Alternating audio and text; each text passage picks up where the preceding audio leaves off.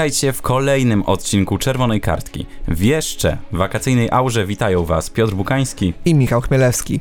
Dzisiaj opowiemy o niezwykłym piłkarzu, który zasłynął nie tylko ze swojej niebywałej szybkości, ale także z kontrowersyjnego stylu życia. Mowa o Claudio Canigi, argentyńskim piłkarzu, który był drugi po Maradonie, a obaj ze szczytu spadli w podobny sposób. Claudio Canigia urodził się 9 stycznia 1967 roku w Buenos Aires. Był niewysokim piłkarzem, mierzącym zaledwie 173 cm wzrostu, jednak to nie przeszkodziło mu w osiąganiu sukcesów na boisku. Dzięki swojej dynamice i szybkości potrafił zostawić rywali daleko w tyle. Jego niezwykła szybkość przyniosła mu przydomek Syn Wiatru. Kanidża zadebiutował w barwach River Plate jako 18-latek. Już podczas drugiego sezonu zdobył z klubem historyczną potrójną koronę. Zwycięstwo w lidze, Copa Libertadores i Copa Sudamericana. W argentyńskim klubie rozegrał trzy sezony, a później zmienił kierunek na Europę i trafił do Ella Suverona, gdzie na dobre zaczęła się jego europejska kariera. Początkowo jednak nie zachwycił i również dlatego w Weronie spędził zaledwie jeden sezon. Nie zmienił jednak ligi, ponieważ przeniósł się do Atalanty. To pozwoliło mu wyrobić sobie markę, ponieważ dla nowego pracodawcy Canigia stał się kluczowym zawodnikiem na boisku. W klubie pozostał przez 3 lata i strzelił 26 bramek w 85 meczach ligowych. Z Atalantą dwukrotnie startował w Pucharze UEFA, pomagając klubowi awansować do ćwierćfinału w edycji 1990-91. Pomimo tego, że nie zdobył żadnego trofeum, Canigia opisał później swoją grę z Atalantą jako najlepsze lata w swojej karierze. W tym samym czasie piłkarz na dobre rozpoczął również swoją reprezentacyjną karierę. Do świadomości kibiców dotarł dzięki występowi na swoich pierwszych Mistrzostwach Świata w 1990 roku we Włoszech. W inauguracyjnym meczu z Kamerunem Kanidzia wchodząc z ławki był trzykrotnie faulowany podczas jednego dryblingu. Ostatni z faulujących, Benjamin Massing, za brutalny faul otrzymał czerwoną kartkę. W drugiej rundzie turnieju Argentyna zmierzyła się z Brazylią. Po 80 minutach bez bramek jedno z podań Diego Maradony znalazło Canigie w sytuacji sam na sam z brazylijskim bramkarzem. Argentyńczyk sprytnie przedryblował legendarnego bramkarza i strzelił do pustej bramki, dając Argentynie zwycięstwo i eliminując Brazylię z turnieju. Maradona for Argentina. Good run by Maradona. And still he goes on. And Canija! And Canija could score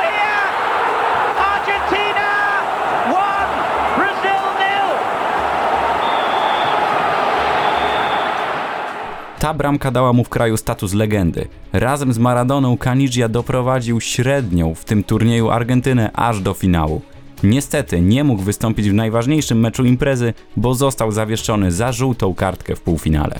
Caniggia przyjaźnił się z argentyńską legendą Diego Maradoną. Duet świętował nawet kiedyś zdobytą przez drużynę bramkę pocałukiem w usta. Ówczesna żona Claudia, modelka Marina Nannis, powiedziała Czasami wydaje mi się, że Diego jest zakochany w moim mężu. To muszą być długie włosy i duże mięśnie. Po tak udanym turnieju Caniggia stał się wielką gwiazdą. Rok później wygrał z kadrą jeszcze Copa America, a w 1992 roku zgłosiła się po niego AS Roma. Milan rabbiosamente in avanti, cerca di evitare la sconfitta. Caniglia in contropiede. Attenzione, Caniglia è solo.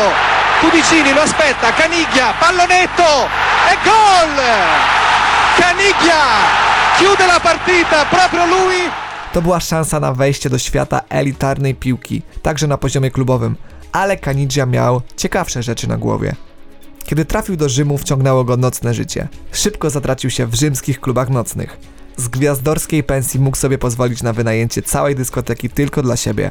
I takie historie też się zdarzały. Uczestnicy takich imprez mówili, że piłkarz stawia wówczas drinki każdemu, kto był skłonny się tylko z nim napić. Chociaż Argentyńczyk nadal zachwycał na boisku, to jego styl życia stawał się coraz bardziej daleki od zachowania profesjonalnego piłkarza. Kanidzia średnio radził sobie również z odpowiedzialnością. Przełomowym momentem w jego karierze, a w zasadzie w historii jej szybkiego upadku, był wykonany w 1993 roku test antydopingowy. Jego wyniki jednoznacznie wskazywały, że piłkarz zażywał kokainę.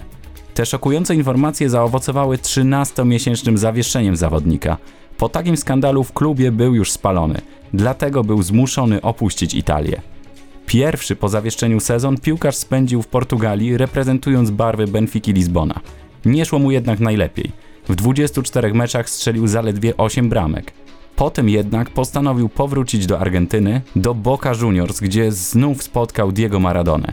W ojczyźnie odzyskał utraconą wcześniej formę. W 1996 roku po jednej z bramek strzelonej River Plate powstało ikoniczne zdjęcie, na którym panowie celebrują gola pocałunkiem. W 1999 roku trafił jeszcze raz do Włoch, do grającej wówczas w Serie B Atalanty i wywalczył z klubem awans do najwyższej klasy rozgrywkowej we Włoszech. Rok później był bohaterem zaskakującego transferu do szkockiego Dundee. Jego przybycie wywołało medialny szał, a w klubowych sklepikach można było kupić perukę przypominającą włosy Kanidzi. Rok później postanowił zmienić klub. Pozostał jednak w Szkocji i przeniósł się do Glasgow Rangers. and gets it back from Bonetti. Nice touch from Caniggia, away from. Chance to pull a goal back. Superb from Caniggia. Dobra gra w Szkocji zaowocowała powołaniem na Mistrzostwa Świata w Korei i Japonii w 2002 roku.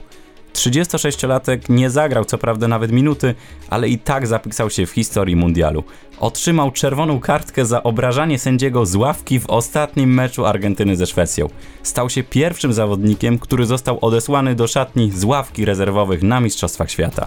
Jego drugi sezon w Glasgow przyniósł Kanidzi dopiero drugi w karierze tytuł ligowy, po czym epizod w Katarze i półprofesjonalnej drużynie Wembley FC zapisały ostatnie rozdziały niezwykłej kariery, którą Argentyńczyk prowadził bez nadmiernych kalkulacji. Jednak życie poza boiskiem Kanidzi nie było tak kolorowe. W 2019 roku jego była żona Marianna Nanis pojawiła się w programie telewizyjnym i oskarżyła go o przemoc fizyczną i doprowadzenie do śmierci jej nienarodzonego syna.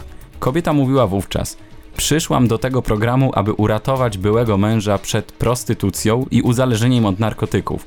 Claudio przeżywa okres, w którym jest wykorzystywany. Ma problem, bo żyje z prostytutką, z którą cały dzień ćpa. Po słowach Nanis w Argentynie rozpętała się burza. Kanidzia zaprzeczał jednak wszystkiemu, co powiedziała jego była żona. To bolesny moment dla mnie i moich dzieci, że ich matka bez wstydu w taki sposób buduje popularność. Moje życie zawsze było takie same, czyli absolutnie czyste. Nie muszę ukrywać żadnych podejrzanych zachowań. Boli mnie, że niegdyś wielka miłość kończy się groteskowym przedstawieniem. Pisał wtedy były reprezentant Argentyny w swoim oświadczeniu. Claudio Caniggia to postać, która na zawsze zapisała się w historii futbolu. Jego niezwykła kariera pełna wzlotów i upadków pokazuje, jak trudno jest utrzymać równowagę między życiem na boisku a poza nim. Bez względu na to, jak oceniamy jego postępowanie poza boiskiem, nie można zapomnieć o tym, co osiągnął na nim. Prawie 100 bramek w klubowej i 16 w reprezentacyjnej karierze. A bohaterem kolejnego odcinka naszej audycji będzie genialny włoski piłkarz Davide Astori, który pokazał w swojej karierze naprawdę sporo. Pozostał jednak niedosyt, ponieważ jego kariera zakończyła się zdecydowanie za wcześnie. Zapraszamy.